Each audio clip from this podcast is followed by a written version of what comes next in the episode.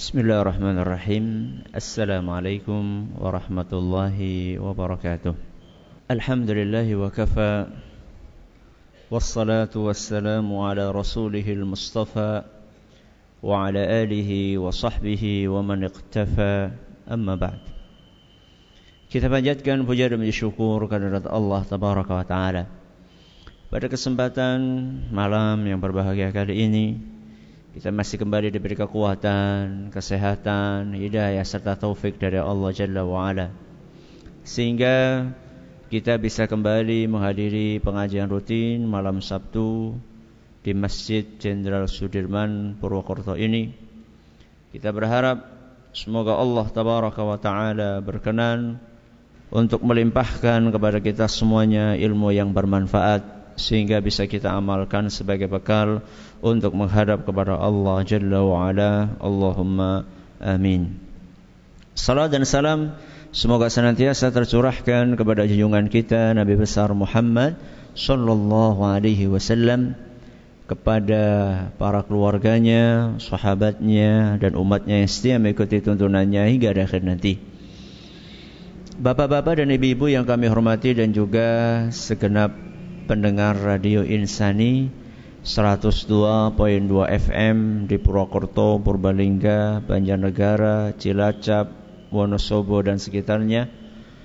Juga para pemirsa Yufi TV yang semoga senantiasa dirahmati oleh Allah Azza wa Jalla.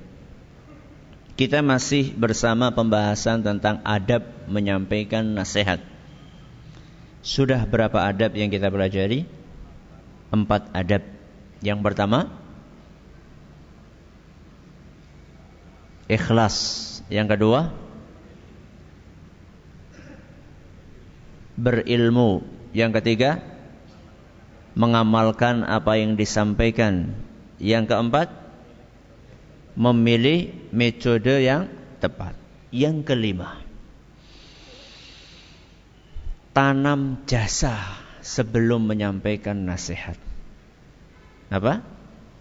Tanam jasa sebelum menyampaikan nasihat. Nanti kita akan jelaskan apa maksudnya tanam jasa. Sebagaimana kita ketahui bahwa ukuran kesuksesan seorang menyampaikan nasihat atau tidak sukses itu tidak mesti diukur dari apakah yang dinasehati itu menerima atau tidak. Jadi belum tentu orang itu dianggap gagal menyampaikan nasihat ketika nasihatnya tidak diterima. Akan tetapi tentu kita pengen nggak nasihat kita diterima?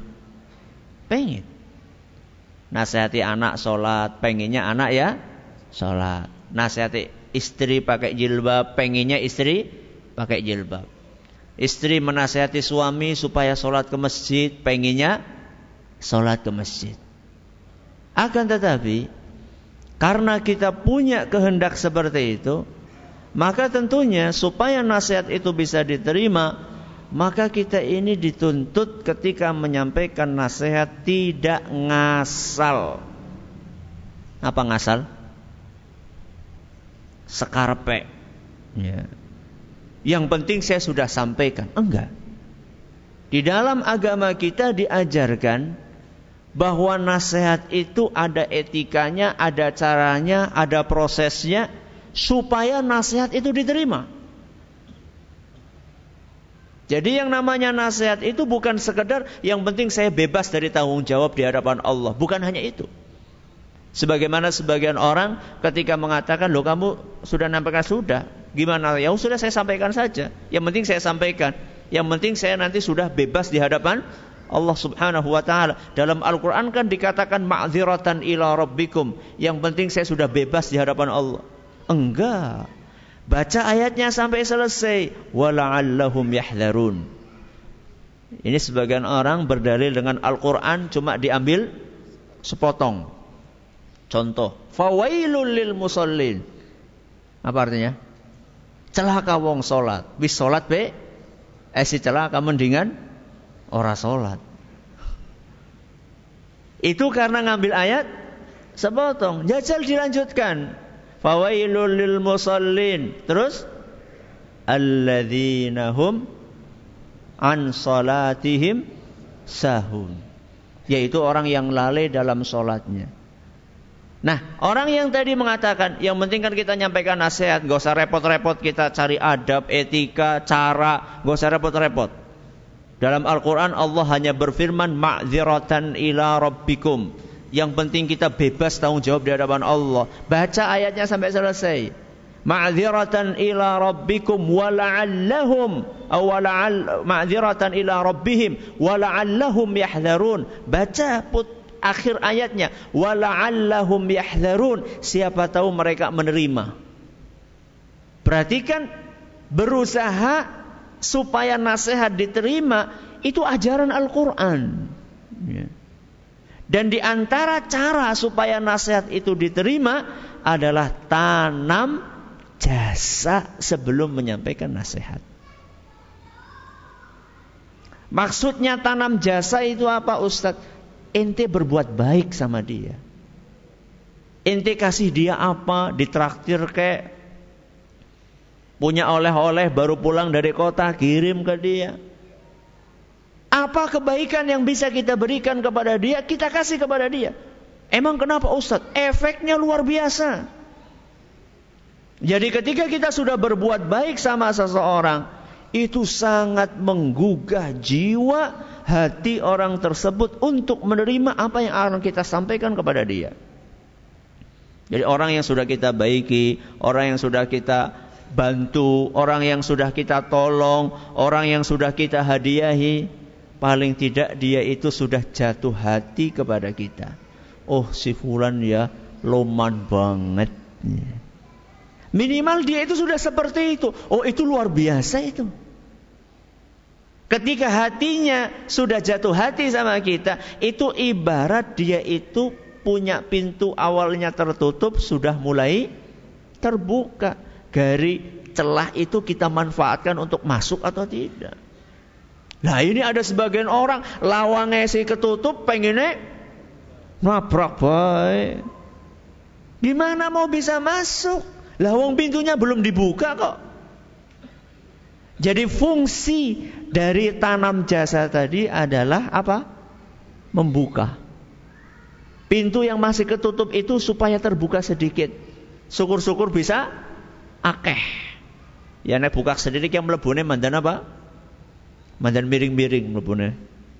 Tapi syukur-syukur pintunya bisa terbuka. Kapan pintu itu akan terbuka lebar? Kalau jasa yang kita tanamkan kepada orang tersebut itu banyak. Ya. Kalau hanya sekedar kita gawakakan goletakan sandal hilang, ya lumayan lah gue mandan apa ya? Kebuka titik. Nek saben dina goletakan sandal hilang, insya Allah lama-lama apa? Lawangnya akan terbuka lebar. Kira-kira seperti itu. Jadi efek dari tanam jasa sebelum menyampaikan nasihat itu dahsyat. Cuman anehnya, walaupun orang faham kalau kita berbuat baik sama seseorang, maka dia akan mudah menerima nasihat kita, tapi kenyataannya adab yang satu ini sangat disayangkan, sering diabaikan oleh para penasehat. Sering diabaikan oleh orang-orang yang ingin menyampaikan nasihat kepada orang lain. Kira-kira sebabnya apa? Kira-kira sebabnya apa? Sudah tahu manfaatnya besar tapi nggak dipraktekkan. Kira-kira apa sebabnya? Biaya. Apa mesem biaya? Tanam jasa nanti saya akan jelaskan. Tanam jasa itu nggak harus pakai duit. Pakai 3S aja. Apa itu? Senyum, salam, siapa? Orang butuh duit, Bok. Kenapa kok males? Kenapa kira-kira? Bebah, bebah ya pada baik kalau males. Kenapa bebah itu pertanyaannya? Karena manusia punya salah satu tabiat jelek. Jadi manusia itu punya tabiat jelek banyak. Gawan bayi ini menungsa, sifat jeleknya itu banyak. Saya pernah sampaikan di Mukaddimah Tafsir Surat Al-Adiyat. Nanti panjenengan cari di kajian.net audionya atau videonya panjenengan cari di ufit.tv. Ya. Di mukaddimah di prolog surat Al-Adiyat saya jelaskan beberapa sifat-sifat dasar buruk manusia yang pancen gawan bayi. Di antara sifat tersebut adalah sifat tergesa-gesa alias ke susu. Ini salah satu sifat jelek manusia yang memang Allah tanam di dalam diri manusia sejak dia lahir. Suka tergesa-gesa. Di mana Allah jelaskan itu di dalam Al-Qur'an surat Al-Isra ayat 11. Surat Al-Isra ayat 11. Dalam surat Al-Isra ayat 11 Allah Subhanahu wa taala berfirman wa kanal insanu ajula. Manusia itu memang punya sifat ajula ngajula itu artinya tergesa-gesa. Ustaz, apa hubungannya antara tergesa-gesa sama nggak mau tanam jasa? Apa hubungannya? Ada hubungannya. Apa kira-kira? Yang namanya tanam jasa itu butuh waktu enggak? Butuh waktu. Butuh proses butuh keluar tenaga, butuh keluar kadang-kadang biaya. Kira-kira yang seperti itu cocok nggak dengan sifat tergesa-gesa? Ya cocok. Tergesa-gesa itu mendorong seseorang pengen segala sesuatunya terjadi secara sim salabim. Jadi pengennya dua anak langsung soleh hafal Quran telung puluh juz. Sekangen di mbah? Ramane bejus sama ora? Ora hafal pengen anaknya apal telung puluh jus. Jus telung puluh be urung apal karpe anaknya apal telung puluh jus si kepriwe. Memang tabiat dasarnya manusia itu penginnya segala sesuatu terjadi maktuing alias segala sesuatu pengennya ins, instan. Makanya apa-apa sekarang instan. Mie instan. Apa maning?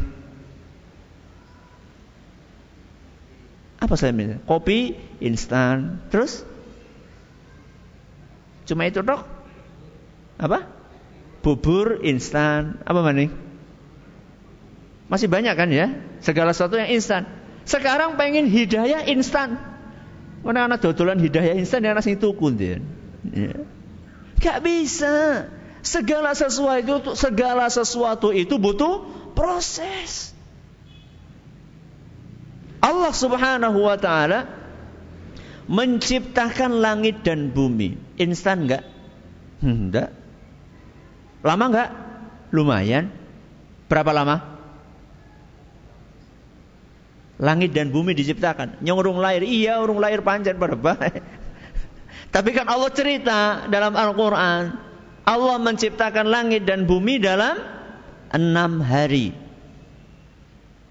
Allah sebutkan dalam Al-Quran surat As-Sajdah ayat 4. Dalam surat As-Sajdah ayat 4, Allah Subhanahu wa taala berfirman, "Allahul ladzi khalaqas samawati wal ard wa ma bainahuma fi sittati ayyamin."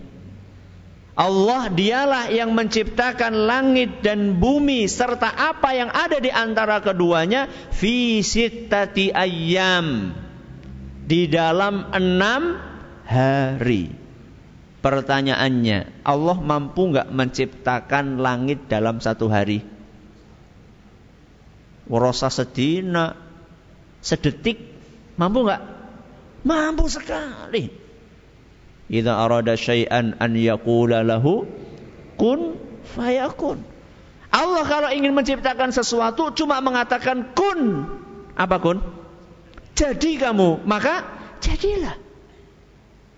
Kenapa kok Allah menciptakan langit dalam enam hari Padahal dalam sekejap Allah bisa menciptakan langit dan bumi Kata sebagian ulama tafsir di antaranya Imam Siddiq Hasan Khan di dalam kitab beliau Fathul Bayan kata beliau adalah untuk mengajari manusia tentang pentingnya yang namanya proses.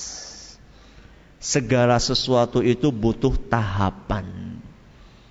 Termasuk dalam mendapatkan hidayah. Nasihati sama orang. Jangan buru-buru. Tanam dulu jasa kita sama dia. Suami menasihati istri, istri menasihati suami, guru menasihati siapa? Murid. Teman menasihati teman, bos menasihati bawahan, bawahan menasihati atasan. Ini semuanya butuh proses. Tidak bisa ujuk-ujuk maktuing seperti uh, apa namanya ini? Membalik telapak tangan. Apalagi dakwah di masyarakat, subhanallah yang namanya kekeliruan di masyarakat. Kadang-kadang ada satu kekeliruan yang sudah tertanam di masyarakat selama 100 tahun. Bahkan ada yang sudah 200 tahun. Bahkan ada yang sudah satu abad. Enggak sedina Arab dirubah. Enggak mungkin. Ya. Itu namanya menyalahi sunnatullah. Ya. Sunnatullah menetapkan bahwa segala sesuatu butuh pro proses. Ustaz, itu adab tanam jasa gue kangen di dasar ya Ustaz. Bagus. Kalau ada yang mau bertanya seperti itu, bagus. Dari praktek Rasulullah SAW. Dari praktek Rasulullah SAW. Saya akan bawakan dua contoh praktek Rasul SAW. Sebelum menyampaikan nasihat, tanam jasa dulu. Contoh yang pertama, dakwah beliau, nasihat beliau yang disampaikan kepada sesama muslim. Contoh yang kedua, nasihat yang disampaikan oleh beliau kepada non-muslim. Karena non sewu, banyak di antara kita konsentrasinya nasihat kepada sesama muslim. Kepada non-muslim, lah, embuh. Pancen wis takdire. Ini saya akan bawakan dua contoh. Yang pertama, bagaimana Nabi SAW tanam jasa sebelum menasehati sesama muslim. Dan contoh yang kedua, bagaimana Rasulullah SAW memberikan atau menanam jasa kepada non-muslim sebelum menasehati dia. Contoh yang pertama, dialami oleh seorang sahabat namanya Hakim ibnu Hizam. Siapa nama sahabatnya? Hakim ibnu Hizam radhiyallahu anhu. Beliau pernah bercerita, Sa'altu Rasulullah sallallahu alaihi wasallam fa'atani. Pada suatu hari aku minta sama Rasul SAW sesuatu. Harta lah intinya. Minta harta. Fa'atani. Maka aku pun dikasih sama Nabi SAW. Sudah dapat kan? Dikasih dapat. Thumma sa'altuhu. Kemudian aku minta lagi. Fa'atani maka beliau ngasih aku lagi. Sudah berapa kali ini? Dua kali. Thumma tuhu. Kemudian ketiga kalinya aku minta lagi sama Rasul. Fa'atoni. Dan dikasih lagi sama Rasul. Berapa kali? Tiga kali. Dan di tiga-tiganya dikasih terus sama Rasul SAW. Kalau ada pengemis datang ke rumah jenengan. Diwei sewu. Pak kurang. Priwe Tambah maning? Kok mesem? Ini mesemnya mesem. Dikasih lagi? Enggak. Boktuman ya. Iya. Itu di antara perbedaan antara kita dengan siapa? Rasulullah SAW. Bukan itu satu-satunya perbedaan, masih banyak perbedaan yang lain. Ini salah satunya. Ya. Apalagi kalau sudah dikasih ya seribu Kira-kira kalau dia dikasih seribu, kita kasih lagi, dia minta lagi, kita kasih berapa? Lima ribu? Mangatus, bok? Iya. Jadi ngerti Ustaz. Dua kali kan ya? Dua kali. Berarti seribu lima ratus. Kalau dia minta lagi, dikasih apa? Bukan dikasih apa-apa, dikasih semprot. Nabi SAW Diminta sama Hakim Ibnu Hizam tiga kali dan setiap minta dikasih sama Rasulullah SAW. Tapi lihat apa yang disabdakan oleh Nabi setelah itu. Ya Hakim, wahai Hakim, inna hadzal mala khadiratun hulwah. Wahai Hakim, harta itu hijau dan manis.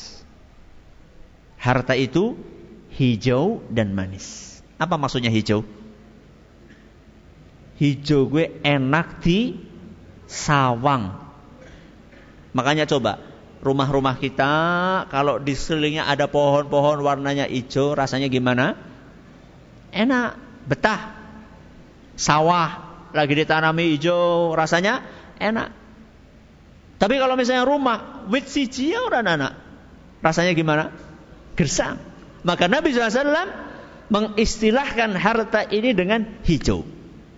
Orang kudu apa-apa kelambine hijau, umai hijau, orang kudu. Ini cuma menggambarkan bagaimana Nabi kita Shallallahu Alaihi Wasallam memberikan perumpamaan bahwa harta itu enak dipandang. Gak cuma enak dipandang. Nabi katakan apa? Hulwah, manis. Berarti enak dipandang dan nikmat dirasakan. Nek kur enak dipandang tok, orang nikmat dirasakan ya orang enak. Ya. Apa contohnya? Enak dipandang, gak enak dirasakan. Buah bu, buah imitasi. Buah apa? Imitasi. Enak banget kon semangka, kotor apa banget. Jajal ngono dirasakan. Mak kelotak, kelotak, kelotak.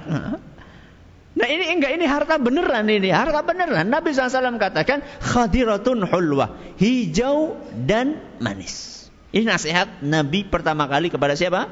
Hakim. Kemudian Nabi melanjutkan, "Faman akhadahu bi nafsin burika lahu fihi."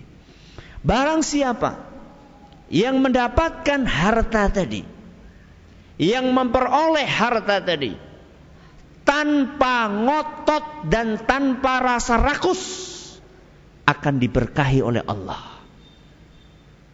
Barang siapa memperoleh harta tersebut yang hijau dan apa tadi? manis tanpa ngotot, tanpa kerakusan, maka dia akan mendapatkan berkah di dalam harta tersebut. Kalau tadi hakim kelihatannya ngotot enggak? Ngotot, minta. Pertama kali datang minta. Setelah itu minta lagi, minta lagi. Jadi harta itu bukan datang kepada dia, tahu-tahu datang enggak, dia nyari terus.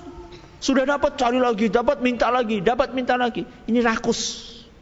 Orang yang mendapatkan harta dengan dorongan kerakusan eh, dengan dorongan tidak kerakusan maka dia tidak maka dia akan diberkahi oleh Allah hartanya tersebut. Sebaliknya kata Nabi SAW, "Wa man akhadahu bi israfi nafsin lam yubarik lahu fi." Barang siapa yang mendapatkan harta dengan kerakusan, dengan kengototan, maka dia tidak akan diberkahi di dalam harta tersebut. Kalladhi ya'kulu wa la seperti orang yang makan dan tidak pernah kenyang. Itu perumpamaan yang disampaikan oleh siapa? Rasulullah sallallahu alaihi wasallam. Pernah nemui orang mangon ora wareg-wareg. Seceting entong ngurung urung wareg. Pernah ada orang datang ke rumah saya seperti itu. Ya, mengeluh Ustaz, saya ini makan kok sulit kenyang Ustaz. Biasanya berapa piring? Ya seceting Ustaz. Astagfirullahaladzim. Lihat ini Ustaz, perut saya jadi kayak gini. Jangan-jangan ibu nggak baca bismillah. Kayane Ustaz, nah gue. Dibantu nang siapa? Dibantu nang setan. Ya. Seperti orang yang makan dan tidak kenyang. Kemudian Nabi SAW mengatakan al-yadul ulya khairun minal yadis sufla. Tangan di atas wahai hakim lebih mulia dibandingkan tangan di bawah. Ini nasihat, semuanya nasihat. Kemudian Nabi SAW, kemudian Hakim berkata, setelah dinasihati seperti itu, Hakim berkata, Ya Rasulullah, wahai Rasul, Walladhi ba'athaka bil haq demi Allah la azra'u ahadan ba'daka syai'an hatta ufariqad dunya. Demi Allah wahai Rasul, setelah aku dengar nasihatmu ini, aku bersumpah tidak akan minta apa pun kepada seorang pun sesudahmu sampai aku meninggalkan dunia yang fana ini. Efek dari apa? Nasihat setelah didahului dengan tanam jasa. Nanti saya akan jelaskan. Ya, saya akan jelaskan bagaimana kalau seandainya tidak tanam jasa dulu. Ya. Masih ada kelanjutannya. Fakana Abu Bakrin radhiyallahu anhu yad'u hakiman ila al-ata'i fayaba an minhu. Setelah Rasulullah SAW meninggal, siapa khalifahnya? Abu Bakar. Abu Bakar memanggil hakim, wahai hakim, ini ada jatah rampasan perang dari, dari Baitul Mal. Mau dikasihkan kepada hakim, nggak mau hakim menerima. Setelah Abu Bakar wafat, datang siapa? Umar. Thumma inna Umar radhiyallahu anhu da'ahu liyu'tiyahu fa'aba an yaqbala minhu syai'an. Setelah Abu Bakar wafat, Umar jadi khalifah. Dipanggil lagi hakim, wahai hakim ini ada jatah buat kamu. Fayakbah, nggak mau ngambil. Ah Umar ini kan, wah jangan-jangan nanti semuanya dikasih hakim nggak dapat.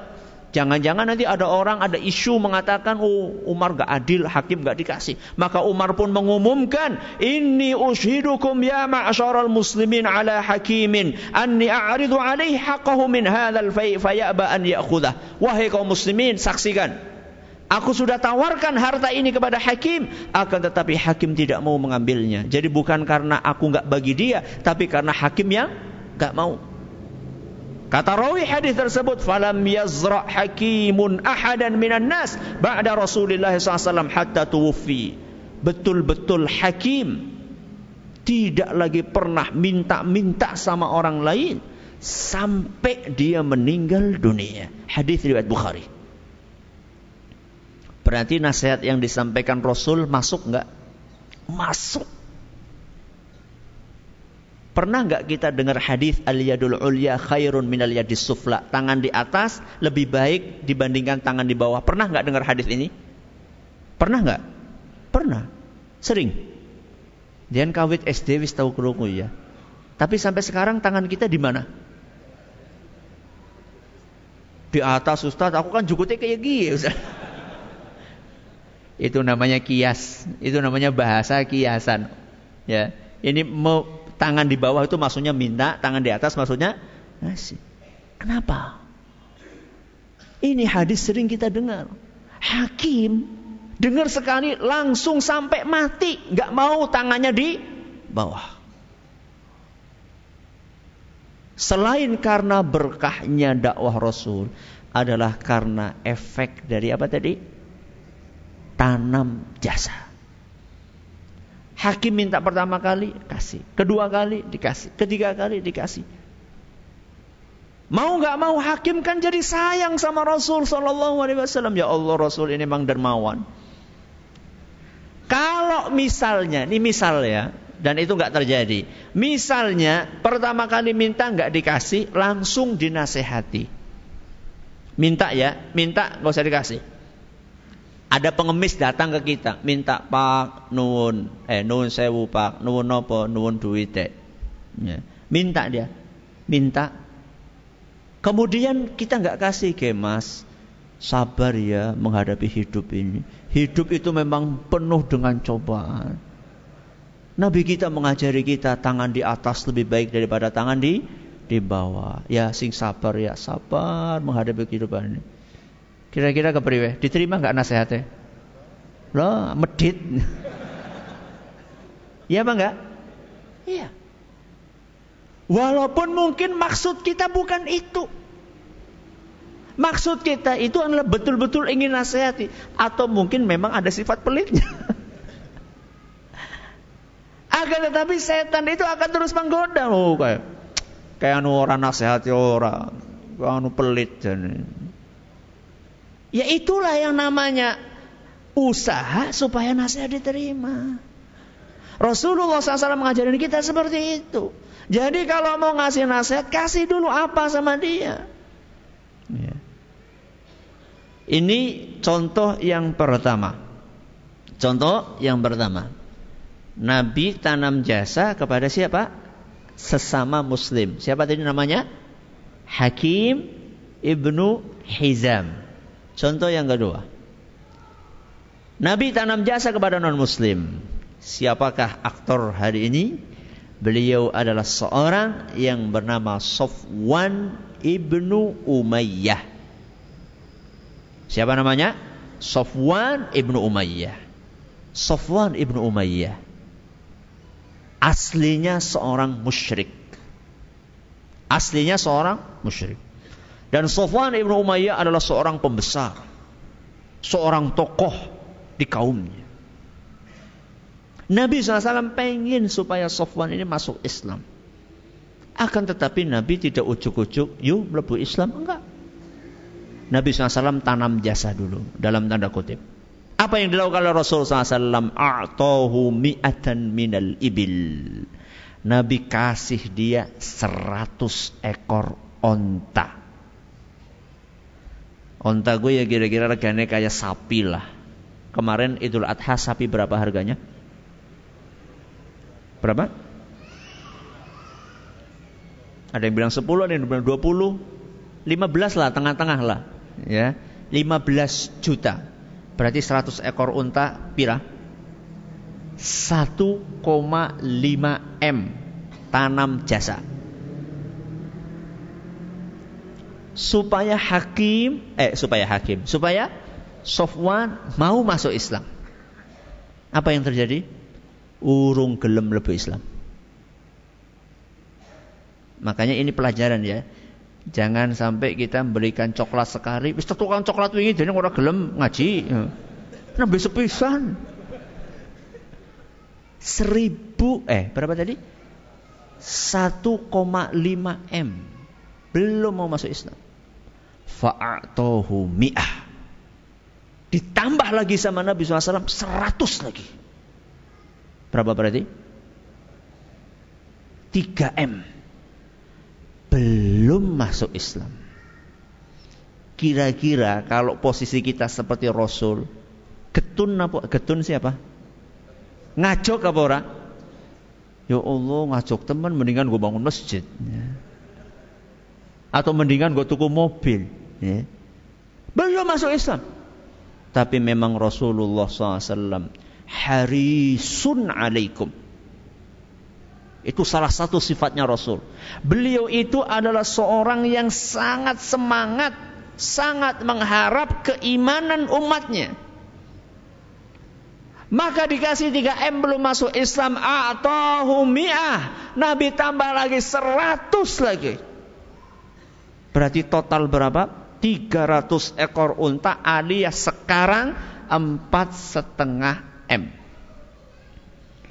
Nembe mlebu Islam. Kita dengarkan bagaimana efek dari tanam jasanya Rasul SAW di hatinya Sofwan. Beliau katakan, Wallahi, Laqad a'tani Rasulullah SAW ma'atani wa innahu la abghadun nasi ilai. Demi Allah, Ketika pertama kali Rasulullah SAW memberi saya eh, seratus ekor unta, Muhammad adalah orang yang paling aku benci di muka bumi. Berarti pintunya pancen udah rapet maning. Sudah rapet di kunci tambahi gembok dilas. Abu nas. Manusia yang paling aku benci di muka bumi. Bukan dibenci, paling dibenci. Tapi lihat, dikasih, dikasih, dikasih. Beliau katakan, "Fama bari hayu'tini hatta innahu la ahabbun nasi ilai." Ketika Muhammad ini terus ngasih, ngasih dan ngasih, berubah Muhammad ini menjadi manusia yang paling aku cintai di muka bumi. Hadis riwayat Muslim. Awalnya bagaimana? paling dibenci, terus paling dicintai. Itu kan balik berapa derajat itu? 90? Yo ora ya. Balik kanan itu apa? 180 bukan 360, 360 balik maning ya. 180 derajat. Bayangkan, kalau tadi pintunya sudah dilas, sudah dikunci, gembok, dirantai, itu sudah terbuka dua-duanya blong. Makanya masuk Islam. Ini loh contoh bagaimana memanfaatkan harta untuk kepentingan agama. Panjenengan-panjenengan yang memang mendapatkan karunia lebih rizki dari Allah subhanahu wa ta'ala. Contoh Rasulullah SAW. Empat setengah M dikeluarkan hanya dalam tanda kutip untuk memasukkan berapa orang? Satu orang. Sudah berapa uang yang kita keluarkan untuk mendakwahi tetangga, masyarakat, keluarga kita? Lawang medit ke Arab diterima dakwah. Gak pernah ngirim sama tetangga. Kalaupun ngirim anu jangan wis Arab mambu daripada dibuang orang dua ayam mendingan diwekaken tanggane. Kayak gitu dakwahnya mau diterima jauh panggang dari HP-nya. Ya. Gak pernah senyum sama orang lain. Saben ketemu mesti besengut. Kayaknya saben kayak ditagih utang apa ya. Saben dina kayaknya ngadepi apa itu? Apa yang tukang nagih itu namanya apa? Debt collector ya. Kayaknya dia bisa mesem. Saben dina ketemu kalau debt collector terus. Gak pernah senyum, gak pernah salam, gak pernah nyapa. Mau diterima dakwahnya, ngimpi kali. Ya. Tanam jasa. Ya. Berbuat baik sama orang lain. Inilah yang diajarkan oleh Rasulullah Sallallahu Alaihi Wasallam. Tapi memang butuh waktu, butuh pengorbanan. Dan semakin besar pengorbanan kita, maka dengan izin Allah akan semakin besar pula pahala kita. Maka ini adalah anjuran buat saya pribadi dan jamaah sekalian. Salah satu adab yang diajarkan di dalam Islam sebelum menyampaikan nasihat apa dulu tadi? Tanam jasa. Jasa itu tidak mesti bentuknya uang, tidak mesti bentuknya barang, bisa jadi bentuknya adalah raut muka yang apa? Yang cerah, mesem, ya, salam, sapa, terutama bagi mereka yang nggak bisa sedekah duit, ada alternatif sedekah me mesem. Tabasumuka fi waji akhi kalaka sodako. Mesemmu di hadapan muka saudaramu itu adalah sodakoh. Semoga bermanfaat. Sebelum kita buka pintu tanya jawab, saya ingin mengingatkan besok jadwal pengajian rutin di Masjid 17 insya Allah Ba'da maghrib sampai isya dengan tema Tazkiyatun Nufus dengan tema tazkiyatun nufus. Bagaimana menasehati saudara kita yang punya pemahaman suka mengkafirkan orang lain seperti ISIS. ISIS, ISIS banget. ya nasihatnya berilmu sebelum beramal dan berkata. Jadi sebenarnya munculnya paham-paham seperti ini terlepas apakah itu by design oleh musuh-musuh Islam.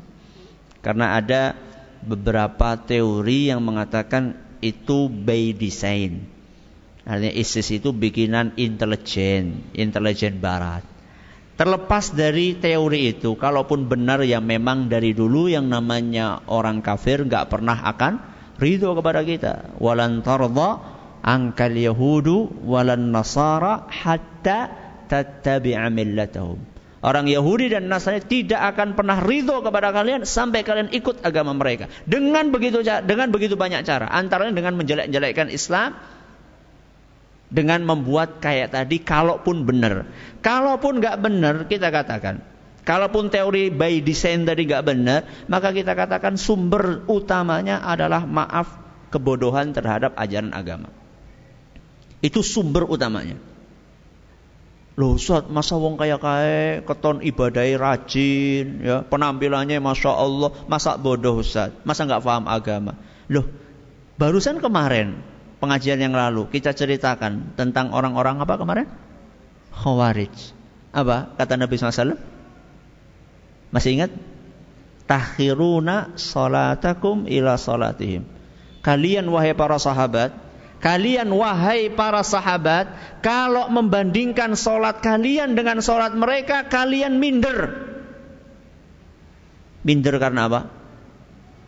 Karena luar biasa bagusnya lahiriah solat mereka. Lahiriahnya, saya bicara tentang apa? Lahir, koton khusyuk Jangan takbir yang nganti Allahu Akbar. Jangan kayak gue dean. Orang tahu beruh aku.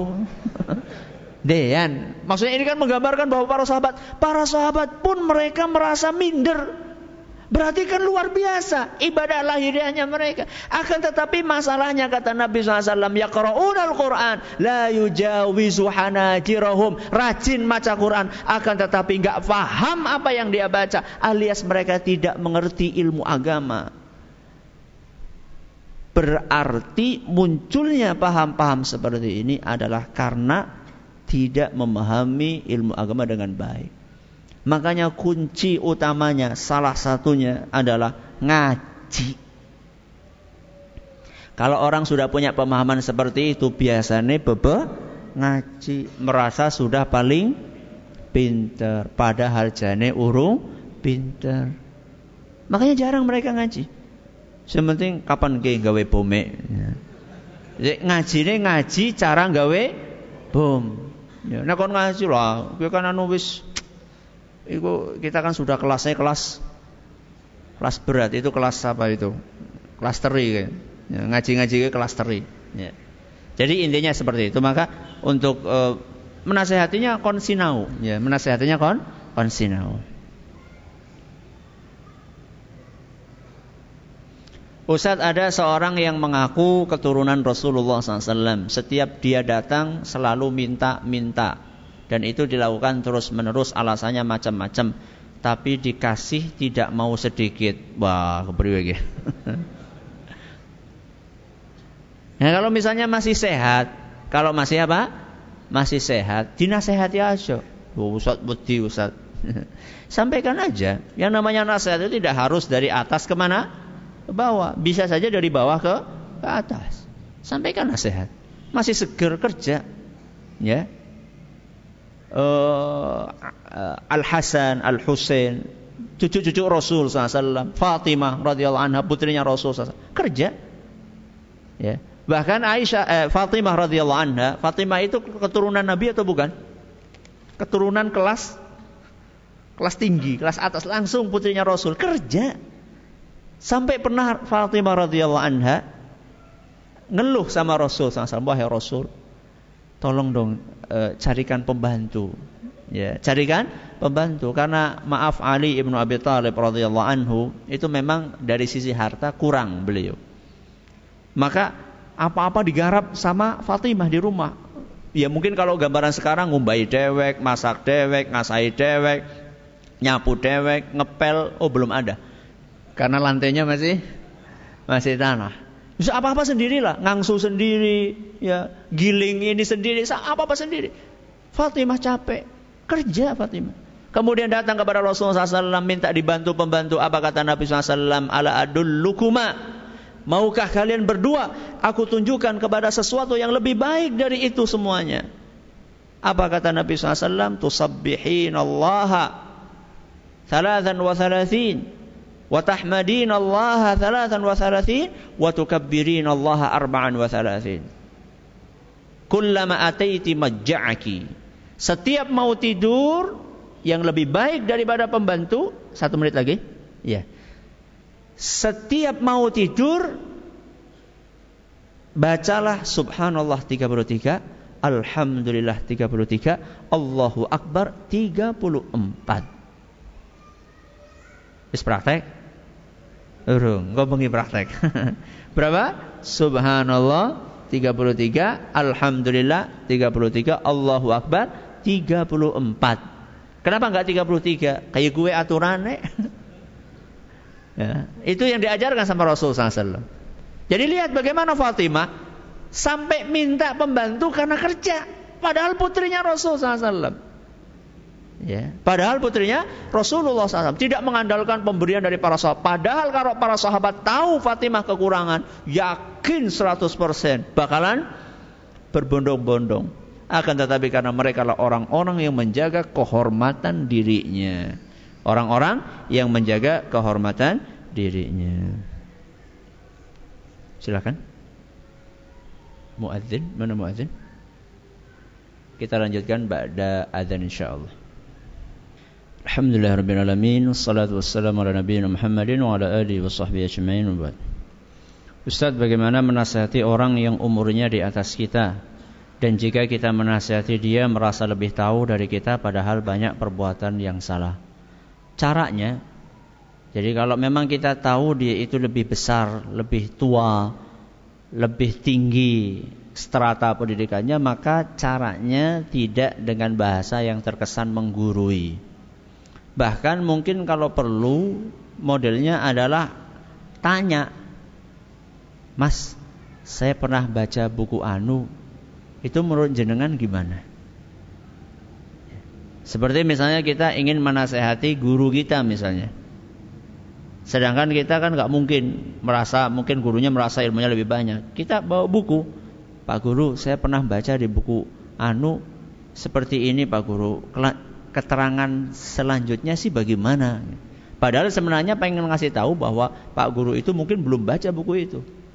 Jadi dengan cara-cara yang tidak terkesan menggurui. Sambil didoakan mudah-mudahan hatinya terbuka. Ustadz kalau tetangga kita hasad, kemudian kita tanam jasa supaya dia menjadi baik, apakah tidak menjadi perbuatan ria? Tergantung. Kalau tujuan utamanya adalah mencari ridho Allah Subhanahu wa taala, insya Allah tidak. Ya. Walaupun memang para ulama menjelaskan salah satu cara untuk menepis efek buruk dari hasad atau dengki adalah dengan berbuat baik kepada orang yang hasad kepada kita. Itu dijelaskan oleh para ulama. Jadi kalau kita pengen efek dari hasad orang lain kepada kita itu minim, berbuat baiklah sama dia. Semakin dia benci sama kita, semakin kita berbuat baik sama dia. Semakin dia merengut sama kita, semakin kita mesem sama dia. Kepriwe gue? Angel apa? Itu. Ya. Disebutkan kalau nggak salah Imam Ibnu Qayyim al-Jauziyah rahimahullah. Makanya tidak apa-apa. Jadi dia semakin hasad kita baik sama dia tidak ada masalah. Cuman mungkin niatnya perlu ditanamkan tujuan utamanya adalah kita mencari ridho Allah. Insya Allah kebaikan tetangga yang awalnya hasad kepada kita akan kita dapatkan. Dunianya dapat. Tapi jangan sampai kita cari dunia, kita korbankan apanya? Akhiratnya. Maka kalau niatnya baik, niatnya mencari ridho Allah Subhanahu wa taala dapat dua-duanya. Akhiratnya dapat, dunianya dapat. Maka tinggal dipoles saja niatnya. Ustaz memberi undian hadiah supaya orang mau sholat berjamaah. Apakah diperbolehkan? Kayak apa misalnya? Jadi sabun mangkat oleh lindingan nih gue.